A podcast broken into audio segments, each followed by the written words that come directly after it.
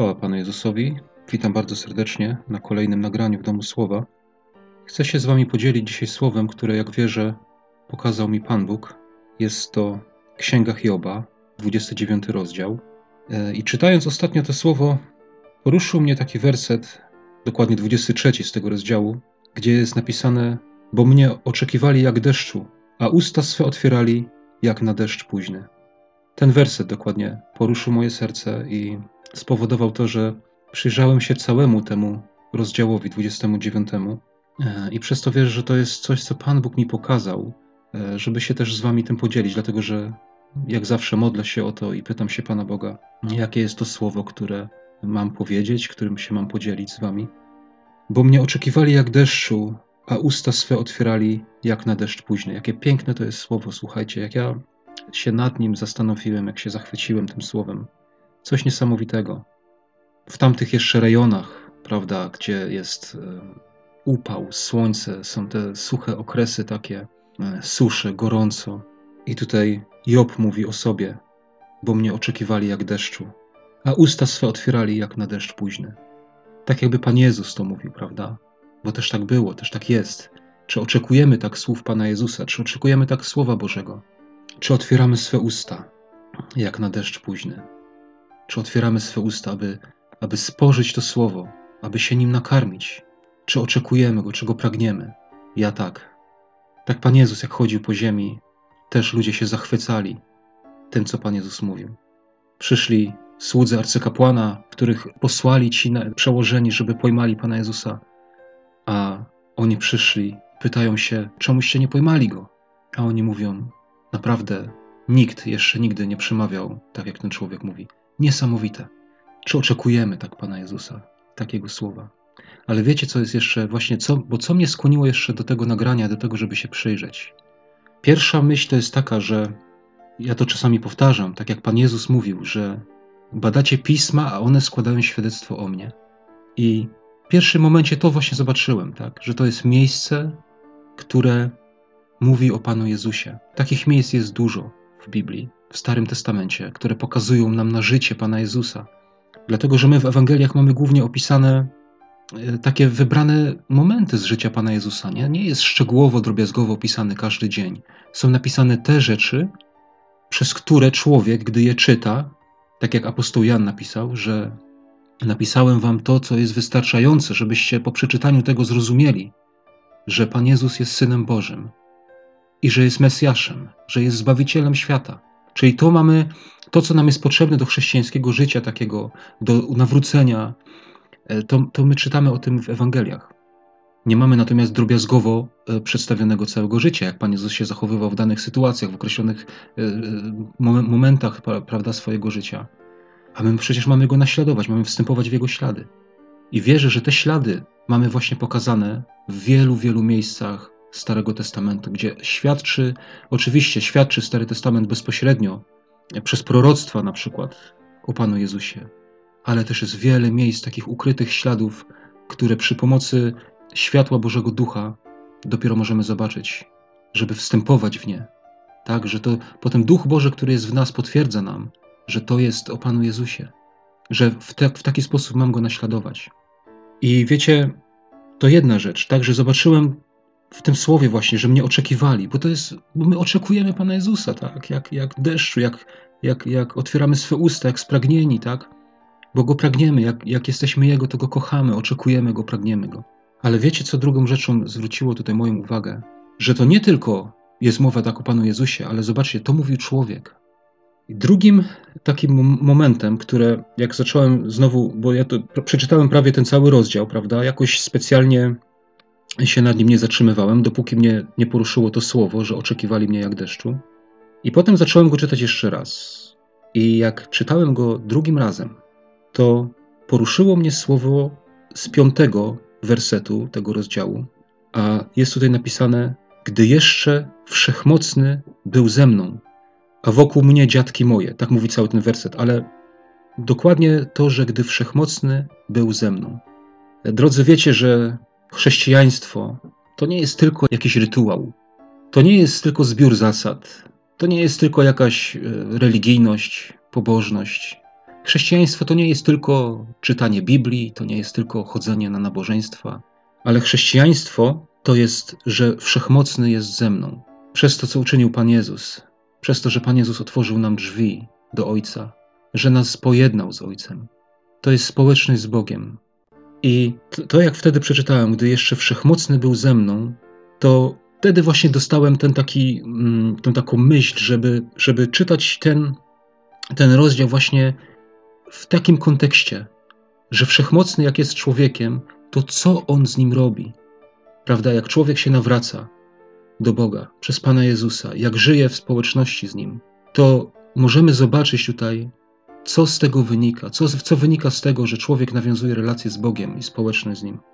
Ja będę czytał ten rozdział, to nie jest jakiś bardzo długi. Będę czytał i, i na niektórych miejscach będę się zatrzymywał, i tam kilka słów, które gdzieś tam są w moim sercu na ten temat, powiem, podzielę się z Wami.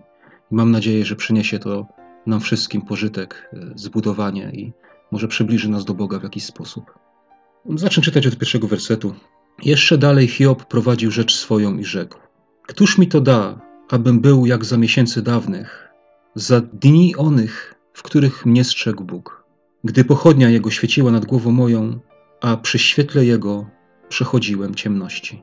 E, czytam z takiego starego przekładu, bo akurat teraz czytam ten przekład, tak? I zastanawiałem się, jaki przekład mam wybrać do tego nagrania.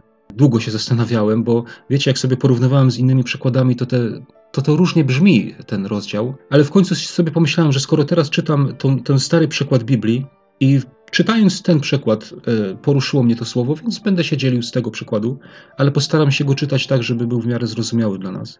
Można sobie oczywiście to wszystko sprawdzić, to, to nie jest żadna tajemnica, tutaj nie, nie mam zamiaru wprowadzać żadnych manipulacji. Zobaczcie, co przeczytałem. Czy to nie jest właśnie obraz życia chrześcijańskiego?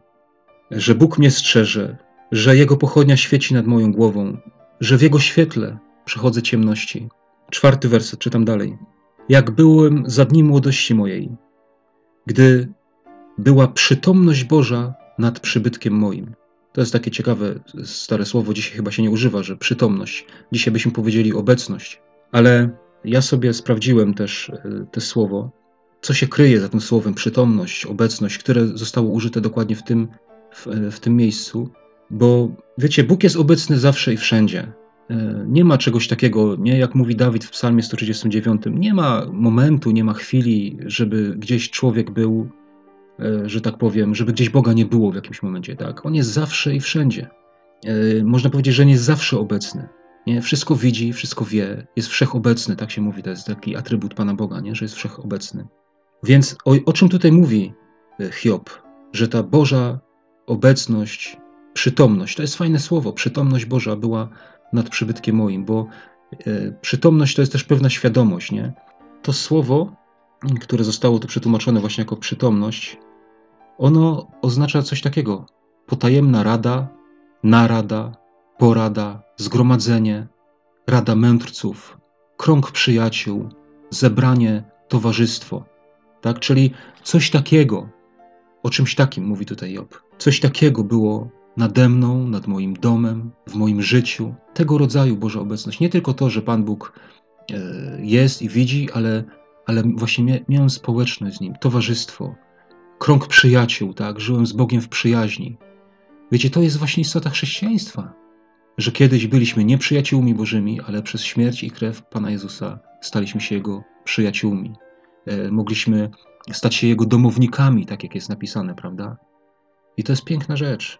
Staliśmy się przyjaciółmi Bożymi. Jego obecność jest w naszym życiu. I teraz ten piąty werset, który mnie właśnie poruszył, gdy jeszcze wszechmocny był ze mną, a wokół mnie dziadki moje, tak? Gdy jeszcze wszechmocny był ze mną. I z tego, co powiedziałem teraz właśnie, z tego, że Bóg jest obecny, że nawiązujemy z Nim relacje, że żyjemy z Nim w społeczności, z tego coś wynika i, i to gdzieś, gdzieś jest widoczne w naszym życiu, tak? I Pan Bóg robi coś w naszym życiu, bo Jego obecność nie jest martwa. E, Jego obecność nie jest, e, żeby, nie, nie jest taka, żeby nie wywierała jakiegoś wpływu, tak? Bo obecność Boża w życiu człowieka wywiera na niego wpływ. I takiej obecności ja pragnę i i takiej obecności życzę każdemu, kto teraz tego słucha. Czy jest obecność Boża w Twoim życiu? Dzisiaj jest sobota, a jutro jest Wielkanoc tak zwana. E, cały świat będzie świętował zmartwychwstanie Pana Jezusa. I tylko jest pytanie, cały świat świętuje zmartwychwstanie Pana Jezusa. Ale tak naprawdę Pan Jezus pozostaje dla tego świata cały czas martwy, dlatego że nie żyją z Nim na co dzień, nie mają obecności Jego w życiu, nie, nie żyją w społeczności z Bogiem, tak? Co z tego, że będziemy e, świętowali Jego zmartwychwstanie, jak dla nas, osobiście, dla każdego z nas, On będzie pozostawał wciąż martwy. I mam pytanie, czy Pan Jezus zmartwychwstał dla Ciebie? Czy dla Ciebie w Twoim życiu był taki moment, w którym zobaczyłeś, że Pan Jezus zmartwychwstał i stał się dla Ciebie żywym i obecnym i wywiera wpływ na Twoje życie? Ciągły wpływ. Nie tylko jakiś tam sporadyczny, jednorazowy, tak, ale ciągły. Każdego dnia, każdego roku. Oby tak było. Pierwsze, co tutaj mówi Hiob, szósty werset, jest napisane: Gdy ścieżki moje opływały masłem, a opoka wylewała mi źródła oliwy. I jedna taka rzecz, tak, która wypływa z tego, że Pan Bóg jest w naszym życiu. Ścieżki moje opływały masłem. To jest może takie, ktoś by pomyślał, no co to za dziwne takie słowo, nie? Jakie, to, co, jakie to ma przełożenie. Różne przekłady mówią, zamiast na przykład ścieżki moje opływały masłem, to w innych przekładach jest użyte, gdy moje nogi obmywałem w mleku. Trudne to jest do przetłumaczenia, powiem szczerze, dlatego że to słowo, które tu mamy przetłumaczone jako masło, ono znaczy i masło, i mleko. Hm. Takie dziwne słowo, nie? U nas, dla nas niepojęte, ale w języku hebrajskim to jest jedno słowo. Masło, mleko, a dokładniej mówiąc, zsiadłe mleko. I jak zsiadłe mleko, to Biblia coś mówi o zsiadłym mleku. Na przykład jak przeczytamy sobie w księdze Izajasza 7:15, gdzie jest proroctwo dotyczące przyjścia Mesjasza, jest napisane: Mlekiem zsiadłym i miodem żywić się będzie do czasu, gdy nauczy się odrzucać złe, a wybierać dobre. Zobaczcie, mlekiem zsiadłym będzie się żywić i miodem do czasu. E, apostoł Piotr mówi, że jako nowonarodzone niemowlęta zapragnijcie mleka, tego niesfałszowanego duchowego pokarmu, nie? Zapragnijcie mleka, aby przez nie się rozwijać, aby przez nie poznawać, co jest dobre, a co jest złe. E, przekład warszawski właśnie mówi: Gdy moje nogi kąpały się w mleku, a skała, gdym stał na niej, wylewała potoki oliwy. Wiecie, co to znaczy, że nogi kąpią się w mleku? Dla mnie to jest taki, taki obraz e, Słowa Bożego, które jest tym mlekiem, i to jest właśnie pierwsza rzecz, która wypływa, jak, jak e, obecność Boża przychodzi do człowieka. Człowiek zaczyna karmić się Słowem, czytać Biblię. I co to znaczy, że te nogi się kąpią w tym mleku? No, jak się kąpią, to są obmywane, tak? E, a nogi oznaczają po prostu chodzenie, drogę, którą się idzie, tak? Kroki. One są obmywane, że te kroki stają się czyste, że zaczynamy chodzić innymi drogami, innymi ścieżkami, tak? One są oczyszczone. A skała, gdy stałem na niej, wylewała potoki oliwy. To też jest dla mnie niesamowity taki yy, obraz, bo skała to jest Pan Jezus. I wtedy jak, tak powiem, kąpiemy te moje, swoje nogi w mleku, jak zaczynamy chodzić, jak zaczynamy naprawiać nasze drogi, to skała wylewa potoki oliwy. E, oczywiście tutaj oliwa to mam na myśli Ducha Bożego. Bóg napełnia nas swoim duchem, jak my chodzimy Jego drogami. Gdzieś w dziejach apostolskich jest napisane, że Duch Święty jest dawany tym, którzy są Bogu posłuszni. Chodząc Bożymi drogami, On nam udziela swojego ducha ten szósty werset, który czytałem, jest mowa właśnie o tym mleku, i w tym przekładzie starym jest napisane, że ścieżki moje opływały masłem. Ja myślę, że to jedno drugiego nie wyklucza. Że to tłumaczenie jest takie, w jednych jest mleko, w jednych jest masło, ale wiecie, obmywać się trzeba cały czas, tak? I te drogi naprawiać cały czas, i myć te stopy cały czas, prawda? Jak Pan Jezus powiedział do swoich uczniów, że kto jest wykąpany, czysty jest cały, wystarczy, żeby nogi umył i że to trzeba czynić po prostu, trzeba obmywać się nogi cały czas. A masło, wiecie jak powstaje masło? E, dam wam biblijny przykład, jak powstaje masło. Przypowieści, 30 rozdział, 33 werset mówi tak: Przez ubijanie mleka robi się masło. A co to jest ubijanie? To jest pewna powtarzalność. czyli te obmywanie stóp w mleku i powtarzalność. Czyli robimy te masło. Masło już jest pokarmem stałym. Tak, to jedna taka myśl. Już nie jest mlekiem, już jest bardziej stałym pokarmem, masło. Ale drugą rzeczą to jest ta powtarzalność. Wiecie, żeby ubić masło, nie wiem, czy ktoś z Was miał z tym do czynienia kiedyś. Ja miałem. Ja byłem kiedyś na wsi, e, zbierałem śmietanę z mleka i ubijałem masło takim, takim ręcznym ubijakiem. I to trzeba ileś takich ruchów dosyć szybkich powtórzyć tym, tym ubijakiem, żeby powstało masło, nie? Żeby, żeby z tej śmietany oddzielił się tłuszcz i żeby powstało masło. Coś takiego tutaj widzę, że ta powtarzalność, słuchajcie, że nasze oczyszczanie się to nie jest tylko jednorazowe pod wpływem emocji na przykład, tak? Ale to jest coś, co trwa. Nie, że my cały czas y, poprawiamy te nasze drogi, cały czas naprawiamy. To nie, że tylko przestaniesz palić na przykład, nie, ale ale ciągle to robisz, powtarzasz to. I skała wylewa źródła oliwy. Czytam dalej, od siódmego wersetu.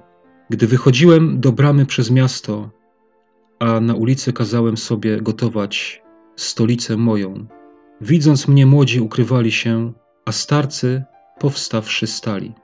Przełożeni przestawali mówić i ręką zatykali usta swoje. Głos książąt ucichał, a język ich do podniebienia ich przylegał. Kolejne takie miejsce, które jak ja czytam, e, to jedno słowo przychodzi mi na myśl: poważanie. Wiecie, jak człowiek nawiązuje relacje z Bogiem, jak Pan Bóg zaczyna być w jego życiu e, i zaczyna wykonywać swoją pracę z takim człowiekiem, jak człowiek chodzi jego drogami, jak Pan Bóg daje mu te, te, ta skała, jak wylewa mu te źródła oliwy, tak, te rzeki oliwy to do życia człowieka przychodzi coś takiego jak poważanie. To czyni Bóg w życiu człowieka. Wiecie, ja, ja się nawróciłem w więzieniu i przyniosłem wstyd i mojej rodzinie, i w ogóle sąsiadom. I powiem szczerze, że jak miałem wyjść, to ja też trochę się obawiałem właśnie tego, jak rodzina, jak wszyscy będą na mnie patrzeć. I taki werset mi pomógł, że kiedy drogi człowieka Bogu się podobają, wtedy godzi on z nim nawet jego nieprzyjaciół. I wiecie, ja tego doświadczyłem, bo ja chodziłem Bożymi drogami i staram się e, każdego dnia to robić. I naprawdę nie, nie było nic z tych rzeczy, o których ja się obawiałem. Sąsiedzi patrzyli na mnie przychylnie, rodzina. E, otrzymałem swego rodzaju takie poważanie u innych. Wiecie, to jest, to jest niesamowite. Ja wiem, że e, my możemy sobie myśleć teraz, jak nie, że chrześcijanin powinien się liczyć z tym, że będzie pogardzany, E, owszem, ja nie mówię, że nie, ale co chcę podkreślić, że Pana Jezusa ludzie kochali. Naprawdę. Osobami, które nienawidziły Pana Jezusa, to, było, to byli przywódcy religijni, fanatycy religijni. Oni występowali przeciwko Panu Jezusowi. Natomiast czytamy o prostym ludzie, któremu Pan Jezus czynił dobro, oni go poważali, oni chętnie go słuchali. Wiecie, to nie jest tak, że my musimy być we wzgardzie u wszystkich, ale możemy i powinniśmy mieć poważanie u innych. I to jest to, co, co daje nam Pan Bóg. Na przykład Dzieje Apostolskie 5:13 czytamy coś takiego, że z postronnych jednak nikt nie ośmielał się do nich przyłączać, ale lud miał ich w wielkim poważaniu. Na przykład o Mojżeszu, który był w Egipcie, czytamy, że Egipcjanie bardzo poważali Mojżesza. To jest coś, co daje nam Pan Bóg. Że inni ludzie zaczynają nas szanować, że, że zaczynają nas poważać. Coś takiego widzę właśnie tutaj w Jobie, w tym fragmencie, który przeczytałem. Przeczytam coś jeszcze. Pierwsza księga Samuela 2:8. Wywodzi z prochu biedaka, podnosi ze śmietniska ubogiego, aby go posadzić z dostojnikami. Przyznać mu krzesło zaszczytne, albowiem do Pana należą słupy ziemi, on na nich położył ląd stały. Psalm 113:5 Któż jest jak Pan, Bóg nasz, który mieszka na wysokościach i patrzy w dół na niebo i na ziemię, podnosi nędzarza z prochu, a ubogiego wywyższa ze śmieci, aby posadzić go z książętami, z książętami ludu swego. Zobaczcie, co robi Pan Bóg. Nie wiem, doświadczyliście czegoś takiego? Ale zobaczcie, jak wielu jest ludzi e, tak podniesionych i wywyższonych przez Boga, doprowadzonych do poważania. Ilu było alkoholików, narkomanów, kryminalistów, którzy dzisiaj są na wysokich stanowiskach w Królestwie Bożym, e, którzy są w poważaniu. Wiecie, już nikt na nich dzisiaj nie patrzy i, nie mówi, że, że to, to jest nic nie warte, z tego to nic nie będzie.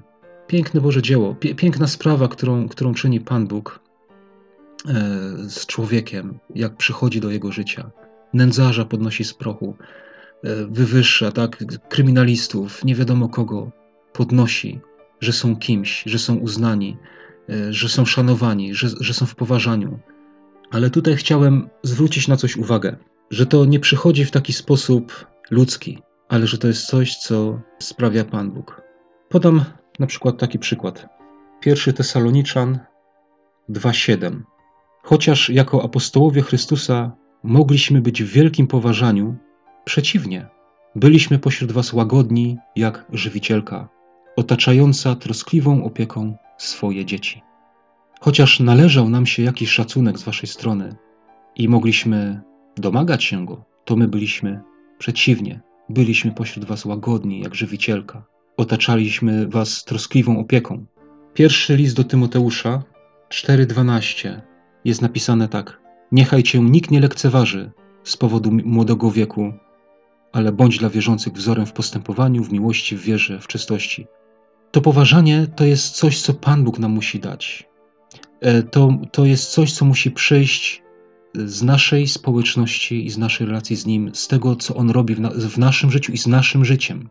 E, ja nie wiem, może ktoś słucha tego, kto jest teraz jakimś liderem, albo no nie wiem, ktoś, kto może ma aspiracje do tego, żeby być pastorem. Wiecie, ja kiedyś, e, powiem szczerze, tak jak się nawróciłem, to, mm, to myślałem, tak, żeby zostać pastorem.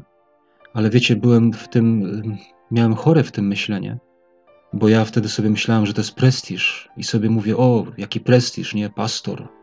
Tymoteusz też był pastorem.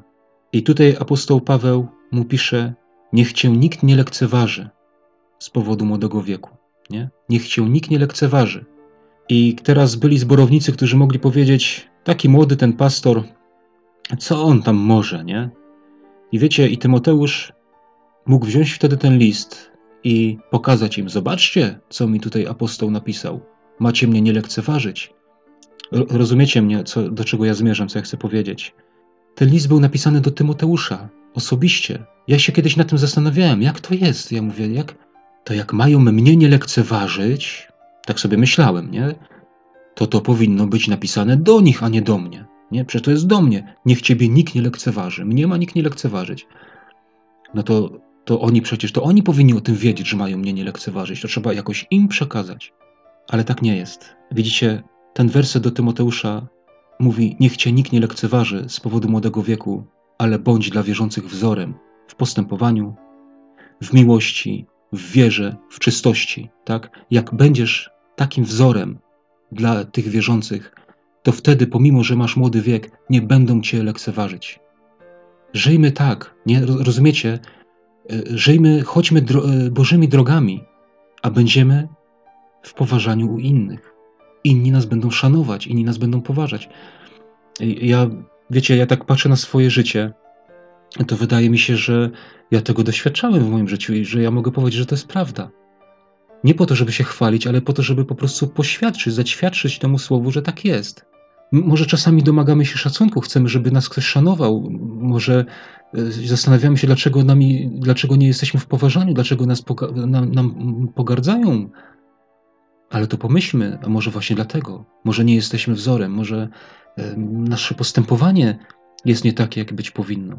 Tak, postępujmy Bożymi drogami, a będziemy w poważaniu u innych.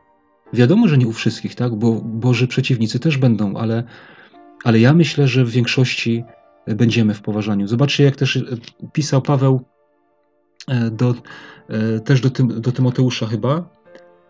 Tak, do Tymoteusza 3,7 to jest napisane o biskupie, tak? o kimś, kto ma stać na czele zboru. Jest, jest co jest napisane, że powinien też cieszyć się dobrym imieniem u tych, którzy do nas nie należą. Nie? Powinien się cieszyć dobrym imieniem. Powinien mieć o nim dobre zdanie.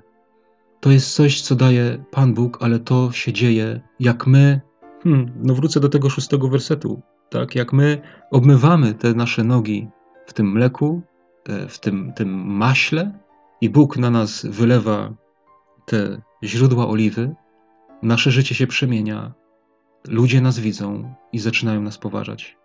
To, w taki sposób Bóg nas podnosi z prochu i sadza nas na wysokich miejscach. To nie jest tak, że, że nagle, e, wiecie, bo my czytamy na przykład, o ja, ja, też taki, przyszedł mi teraz na myśl przykład, nie? my czytamy o Józefie, który był w więzieniu. To jest, to jest bardzo taki jaskrawy przykład. I nagle, prawda, został wywyższony i stał się w drugim po faraonie w Egipcie. I można powiedzieć, no tak, no Bóg go wywyższył, nie? Ale musimy pamiętać, że między więzieniem a wywyższeniem było coś. To życie Józefa poddane Bogu. I poprzez to potem Bóg go wywyższył, tak? I, i go wy, wy, wyniósł go na to wysokie miejsce. To, się, to jest pewien proces. I dalej chciałem od 11 wersetu jeszcze przeczytać, ale zanim to zrobię, to jeszcze powiem wam o pewnych takich moich przemyśleniach, które miałem, e, jak gdzieś tam zastanawiałem się nad tym słowem. Bo dalsze te wersety mówią trochę o takim życiu chrześcijańskim, o stosunku, o stosunku człowieka e, wierzącego do innych osób, że tak można powiedzieć, do dobrych uczynków, tak, do dobrych dzieł. Wiecie, chciałem wystąpić niejako przeciwko jakiemuś takiemu trendowi może, czy przeciwko takim nauczaniom. Nie, nie w jakiejś wrogości wystąpić przeciwko temu, nie? że chciałbym być dobrze zrozumiany. Często jest tak, że jakiś taki duży nacisk jest położony na znaki, na cuda, na uzdrawianie, na wypędzanie demonów. Kiedyś słuchałem jednego takiego brata yy, i z jego wypowiedzi, z tego co on mówił, to ja zrozumiałem, że ja, jak nie chodzę i nie uzdrawiam i nie wyrzucam demonów, to że ja zostanę za to osądzony przez Boga. Bo przecież jest ten ostatni rozdział Ewangelii Marka, w którym jest napisane, że znaki mają towarzyszyć i, i, jak ja tego nie robię, to Bóg mnie osądzi. Czy dlaczego nie uzdrawiałeś, dlaczego nie wyganiałeś demonów? Ja, ja przeciwko takiemu czemuś chciałbym trochę wystąpić.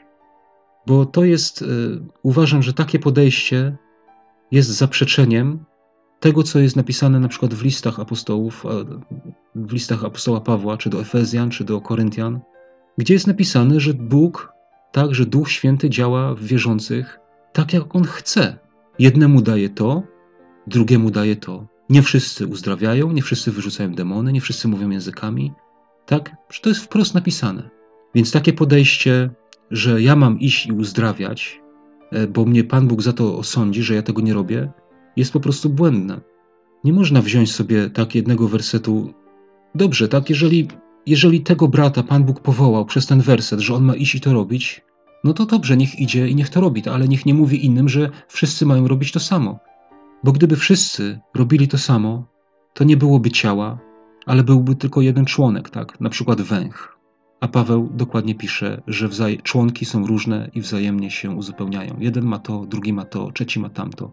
Tak, wszystkie są sobie potrzebne. Jest jedna rzecz w życiu chrześcijanina, do której są powołani wszyscy, bez względu na wszystko, tak? Jest jedna rzecz, do której chrześcijanie są powołani jako ogół. To jest miłość. Jesteśmy wszyscy powołani do miłości, do dążenia do niej, do, e, że tak powiem, pogłębiania jej, tak?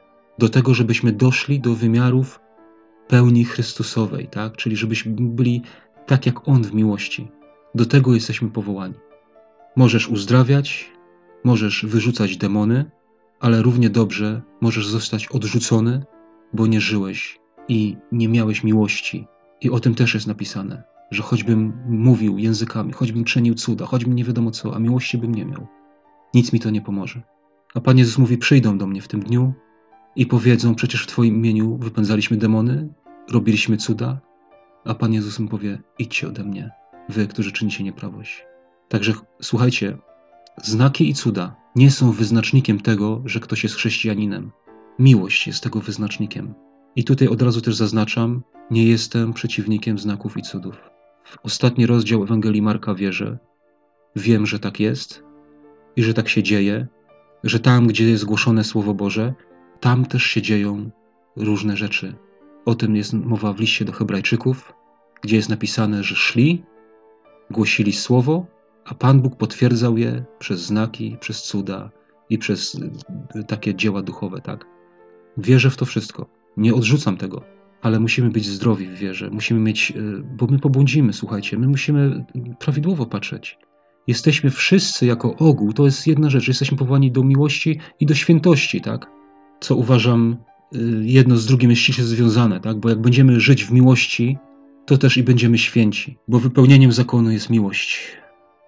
I teraz przeczytam dalej w księdze Hioba, bo ucho słuchające błogosławiło mnie, a oko widzące dawało o mnie świadectwo. Tu chciałem się, bo tam dalej jest napisane jeszcze, y, czemu dawało świadectwo, ale chciałem się tutaj zatrzymać na chwilę jeszcze na tym. Ucho słuchające i oko widzące. Dla mnie to jest obraz um, chrześcijanina, dlatego że do tych, którzy odrzucili Pana Jezusa, którzy go nie przyjęli, co Pan Jezus powiedział? Mają oczy, a nie widzą, mają uszy, a nie słyszą. Natomiast tutaj jest napisane ucho słuchające i oko widzące. Czyli jak ktoś ma otwarte uszy i oczy na Boga, ten będzie tak jakby, tak jak to jest napisane, że dawał o mnie świadectwo, e, ale chodzi o to, że będzie pochwalał sprawy wierzącego człowieka. Dalej tutaj Hiob mówi, dwunasty werset. Wybawiałem ubogiego, wołającego. To też jest takie miejsce, które chciałem, na którym chciałem się zatrzymać. Job nie wybawił wszystkich ubogich, ale tu jest napisane wołającego. Widzicie, Pan Jezus też nie zbawi wszystkich, chociaż za wszystkich umarł, ale zbawi tych, którzy do Niego wołają, którzy Go wzywają, tak? którzy wołają do Niego o pomoc. Do tych On się skłania, tym On pomaga. Ubogiego wołającego. Pan Jezus powiedział, że temu, który Cię prosi, daj. Czyli to jest w pewnym sensie właśnie taki wołający, nie? Jak ktoś Cię prosi, ktoś przychodzi do Ciebie, potrzebuje pomocy, to jest ten wołający temu daj. Ja nie wiem dlaczego, no ale jakoś tak, jakoś tak pomyślałem, że to jest ważne, żeby o tym powiedzieć. Że pomagaj i ratuj, tak, i wspieraj tych, którzy wołają. Nie wszystkich. Wszystkich nie, nie jesteś w stanie uratować, wszystkim nie jesteś w stanie pomóc. Ale jak Pan Bóg postawić na drodze kogoś, kto do ciebie zawoła, to temu pomóż.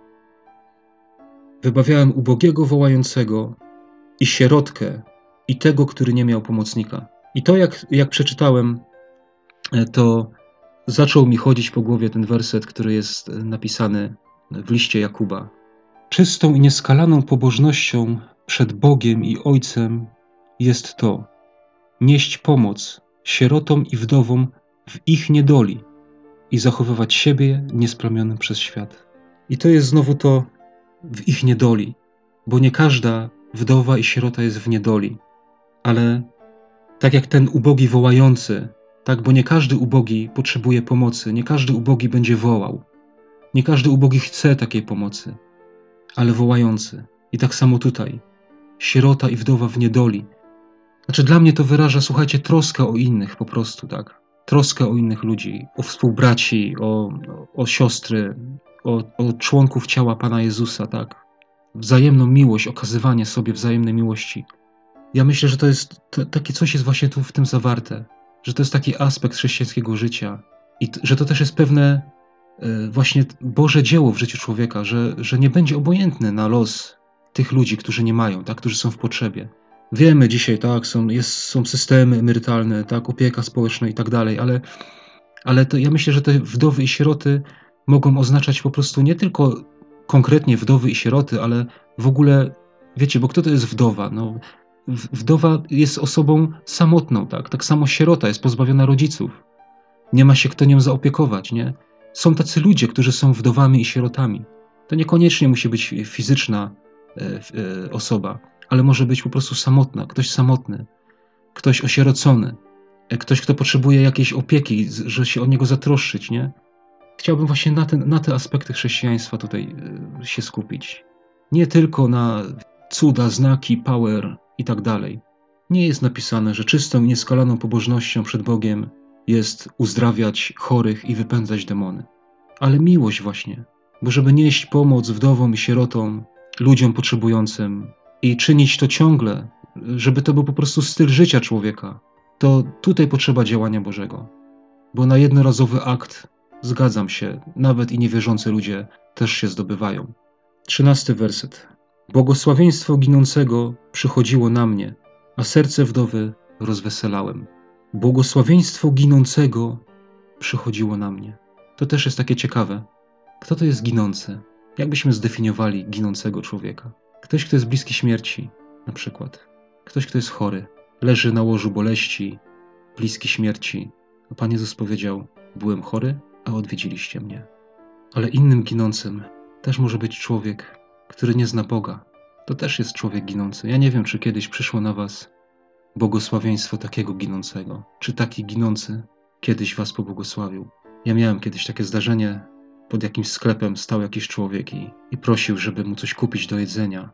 Ja poszedłem i coś mu tam kupiłem, i ja mu to przyniosłem. I on jak zobaczył, e, bo wiecie, ja zrobiłem mu zakupy, takie normalne, nie, nie, nie, nie kupiłem mu bułki i kiełbasy, tylko zrobiłem mu jakieś zakupy i też tak jak Pan Jezus powiedział. Wiecie, ja nie chcę się chwalić, tu nie chodzi o to, ale, ale wiecie, Pan Jezus powiedział, że dajcie miarę natłoczoną, tak? Pełną, natłoczoną, ubitą, nie? Taką dajcie miarę. To też mu zrobiłem, zakupy porządne.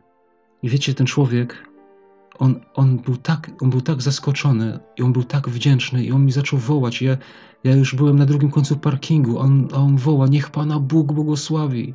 Wiecie, i tam takie słowa, nie? I on będzie się modlił za mnie. Ja nie wiem, czy on się będzie modlił, ale słuchajcie, takie błogosławieństwo ginącego człowieka, bo on, ten człowiek nie znał Boga. Ja chciałbym zwrócić uwagę na pewien styl życia, żebyśmy naszego chrześcijaństwa nie, nie sprowadzali, ja tak myślę, do dwóch rzeczy. Bo ja widzę takie dwa nurty, przepraszam, ale, ale pierwszy powiedziałem, e, pierwszy nurt, który powiedziałem, to właśnie e, znaki i cuda, a drugi nurt to jest taka teologia, doktrynalność taka, nie? Poprawność, ale a gdzie jest życie? Co z tego, że będę wiedzą nabity? Co z tego, co mi to pomoże?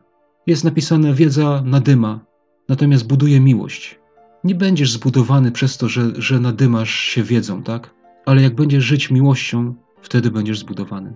W Bogu zbudowany. Błogosławieństwo ginącego przychodziło na mnie, a serce wdowy rozweselałem. W sprawiedliwość się obuczyłem, a ona mnie zdobiła. Mój sąd był jak płaszcz i korona. Tutaj też się chciałem zatrzymać.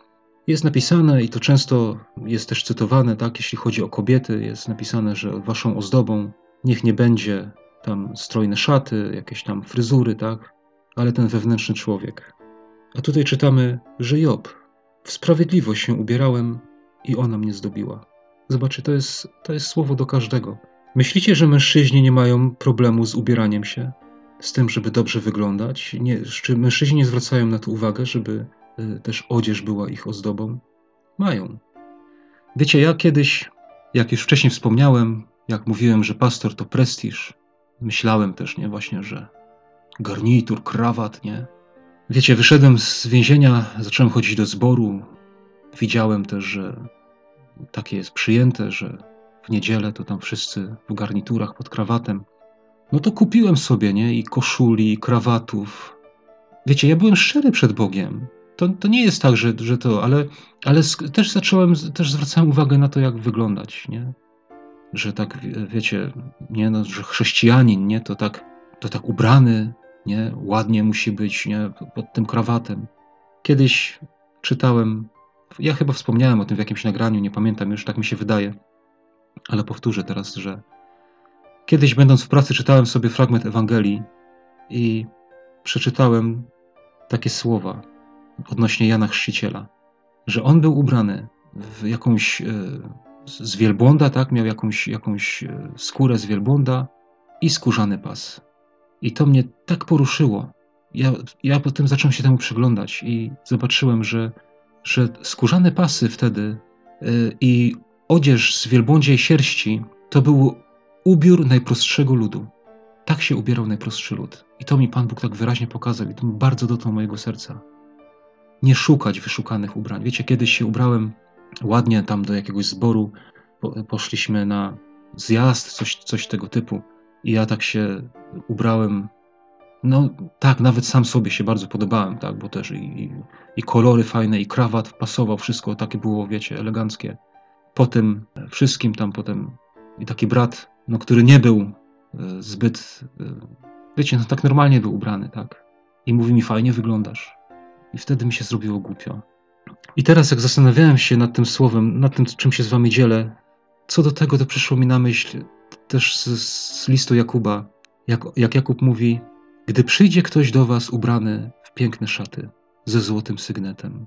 Posadzicie go w, tak w pierwszym rzędzie. A jak przyjdzie ktoś ubogi, nie ubrany tak pięknie, to powiecie mu, a usiądź sobie tutaj u podnóżka moich nóg.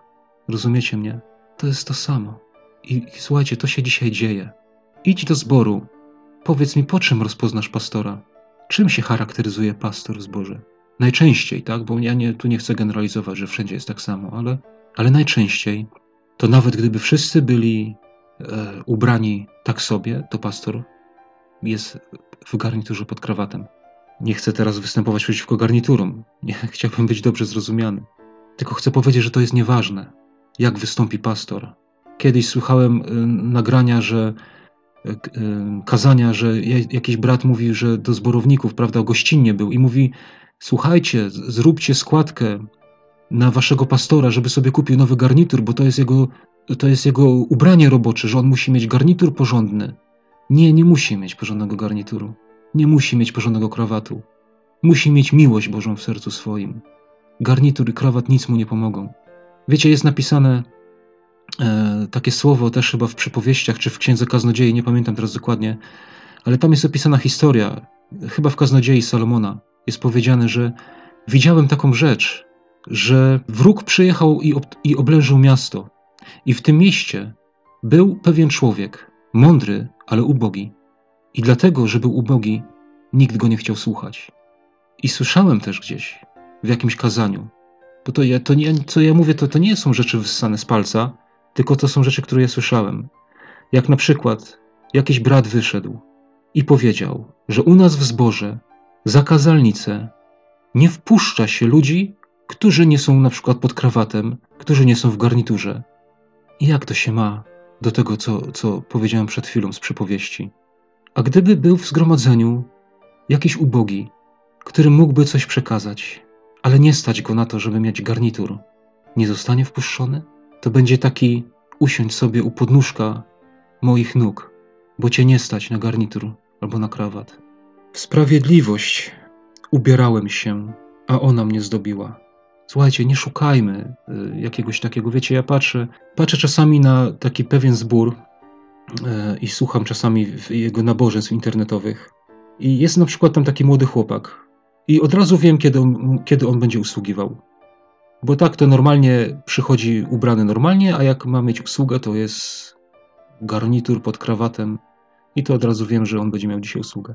Ja to ja nie, nie chcę tego tutaj, słuchajcie, nie, nie po to, żeby tam jakoś, wiecie, tylko zwrócić na to uwagę, że my wychowujemy takie, wiecie, wychowujemy takich, takie podejście e, w społecznościach, że to musi być tak i tak. Nie, przecież są nauczania, ja nie wiem, może słyszeliście, że jak najlepsze ciuchy trzeba się ubierać do zboru. Gdzie to jest napisane? Kto tak nauczał? Gdzieś ktoś kiedyś mówił, że jak, jak kaznodzieja nie jest w garniturze, to o, o, wyraża brak szacunku e, do, do słuchaczy. Wiecie, ja Wybaczcie, ja, wiecie jak jestem ubrany? Ja teraz mam koszulkę, zwykły t-shirt i spodnie z dresu. Mogę mówić do was? Skierujmy nasze oczy naprawdę na to, co jest najważniejsze przed Bogiem. W sprawiedliwość obuczyłem się i ona mnie zdobiła, a mój sąd był jak płaszcz i korona. Zobaczcie, mój sąd był jak płaszcz i korona. Job tutaj mówi. Jak człowiek naprawdę żyje z Bogiem, on się nie musi, nie musi szukać uznania w ubiorze, w, w ozdobach takich zewnętrznych. Sąd był, patrzcie, sprawiedliwość go zdobiła i sąd był jak płaszcz i korona. Wiecie, co mi to mówi? Że właśnie to, co on robił, jego sąd, to, co on powiedział, to, jakie decyzje podejmował, tak? To przez to on był tak jakby ukoronowany i przyodziany płaszczem. Tak? To go posadziło na, na tych królewskich, że tak powiem, wyżynach, na tych miejscach. Dzisiaj się mówi, że o, z Chrystusem królujemy, ale nie przez to, że my sobie sami jakąś koronę założymy, ale żyjmy y, po Chrystusowemu, tak? a będziemy ukoronowani. Dalej mówi, byłem okiem ślepemu, a nogą chromemu. To jest piękne. Słuchajcie, ja, nie, ja nie wiem, jak ja to czytam, to, to ja to kocham, naprawdę. Byłem okiem ślepemu i nogą chromemu.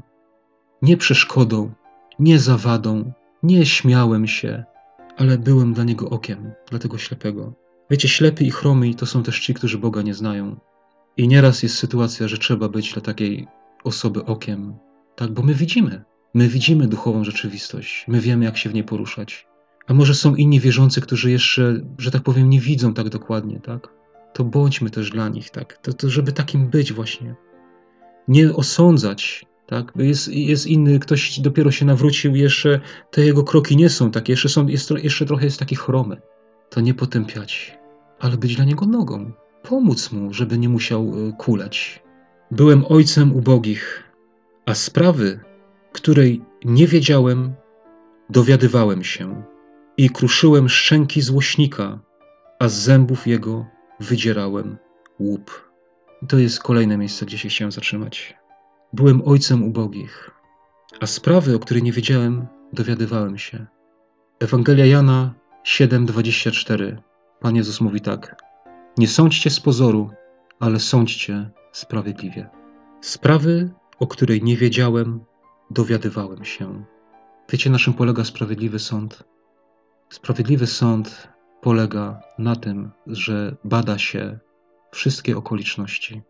Wiecie, przytoczyłem, bo ten werset z Ewangelii Jana właśnie tutaj mi się skojarzył bardzo z tym, z tym słowem. Tutaj Pana Jezusa oskarżali o różne rzeczy, że w, w szabat uzdrowił człowieka. I Pan Jezus mówi, nie sądźcie z pozoru, ale sądźcie sprawiedliwie. Sądzić sprawiedliwie. Zanim wydamy na kogoś osąd, powinniśmy się wszystkiego dokładnie dowiedzieć. Wiecie, tu jest, byłem ojcem ubogich, nie? Tutaj jest, Job mówi tutaj, byłem ojcem ubogich. Czyli ojciec to jest ten ktoś, kto się troszczy, ktoś, kto bierze w opiekę. I przyszedł do niego ubogi jakiś i mówi, że ma jakiś problem, bo jest ubogi, tak? I ktoś przyszedł, nie? Wiecie, jak to jest? Najczęściej ubogi jest gnębiony. I przyszedł jakiś do tego ubogiego, ktoś przyszedł i mu coś zabrał. Oszukał go jeszcze, tak? Nie wypłacił mu pieniędzy, na przykład. Nie dał mu wypłaty. Dzisiaj to jest też normalne, tak? Ja sam byłem y, ofiarą takiego, takiego czegoś. Ja pracowałem, a ktoś tam, mój pracodawca brał sobie pieniądze za moją pracę, a mi nie płacił. I byłem ubogi, tak? Ja nie miałem, a on się bogacił moim, że tak powiem, moim, moim kosztem. I jak ktoś taki przyszedł do Joba, to Job, nawet że to był ubogi, nie? To nawet to Job nie powiedział, nie przyznał mu od razu racji temu ubogiemu, tak? Z automatu. Tak jak jest napisane, że nie będziesz folgował ubogiemu, dlatego że jest ubogi, nie? Gdzie w prawie mojżeszowym jest tak napisane, nie? Nie będziesz folgował ubogiemu, bo jest ubogi w sądzie, ani też nie będziesz, prawda, bogatemu, tak? Tylko zbadasz każdą sprawę sprawiedliwie. I to robił Job, nie? Jak przyszedł ktoś do niego, potrzebował nie z jakąś sytuacją, jakieś, jakaś rzecz się wydarzyła i przyszedł się poskarżyć, to wtedy wziął i dowiadywał się. Kiedyś byłem prędki e, w takim wydawaniu swoich opinii, e, takich bardzo szybko. E, teraz jakoś widzę, po jakimś czasie mojego życia z Bogiem, widzę, że Pan Bóg we mnie coś zmienił. To nie jest coś, że ja sam jakoś nad tym pracowałem, ale widzę, że to jest, to jest Boża praca w moim życiu, Boże dzieło. Ja, ja to teraz widzę, że nie jestem taki prędki do wydawania sądów, do wydawania opinii jakichś, ale jak czegoś nie wiem, a ktoś chce ode mnie, żebym coś powiedział, to ja mówię, no nie wiem, no nie znam sytuacji. Trzeba by się zapoznać, e, poznać za, poznać przeciw, tak? poznać okoliczności i wtedy można wyciągnąć jakąś opinię. A tak e, od razu wydać jakiś osąd powierzchownie, to, to nie. Wiecie, my jako ludzie znajdujemy się w różnych sytuacjach. Być może to słowo też jest potrzebne na dzisiaj. Myślę, że ono też jest elementem życia, e, właśnie dobrego życia, takiego z Bogiem. Dowiedz się, dowiedzieć się, jak się ma sytuacja. Zanim się wyda jakąś opinię, to, to się dowiedzieć. I co potem jest napisane? I kruszyłem szczęki złośnika, a z zębów jego wydzierałem łup.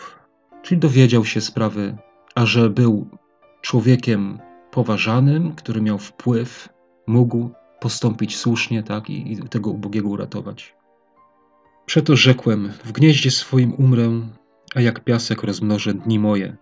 Korzeń mój rozłoży się przy wodach, a rosa trwać będzie przez noc na gałązkach moich.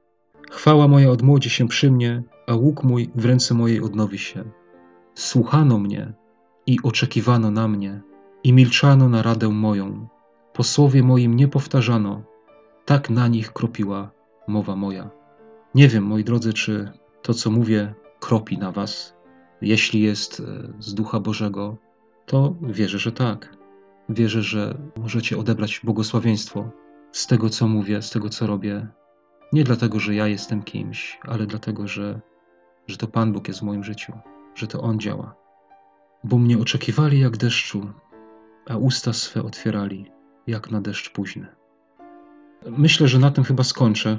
Mam nadzieję, że przyniosło to błogosławieństwo słuchającym. Tego życzę.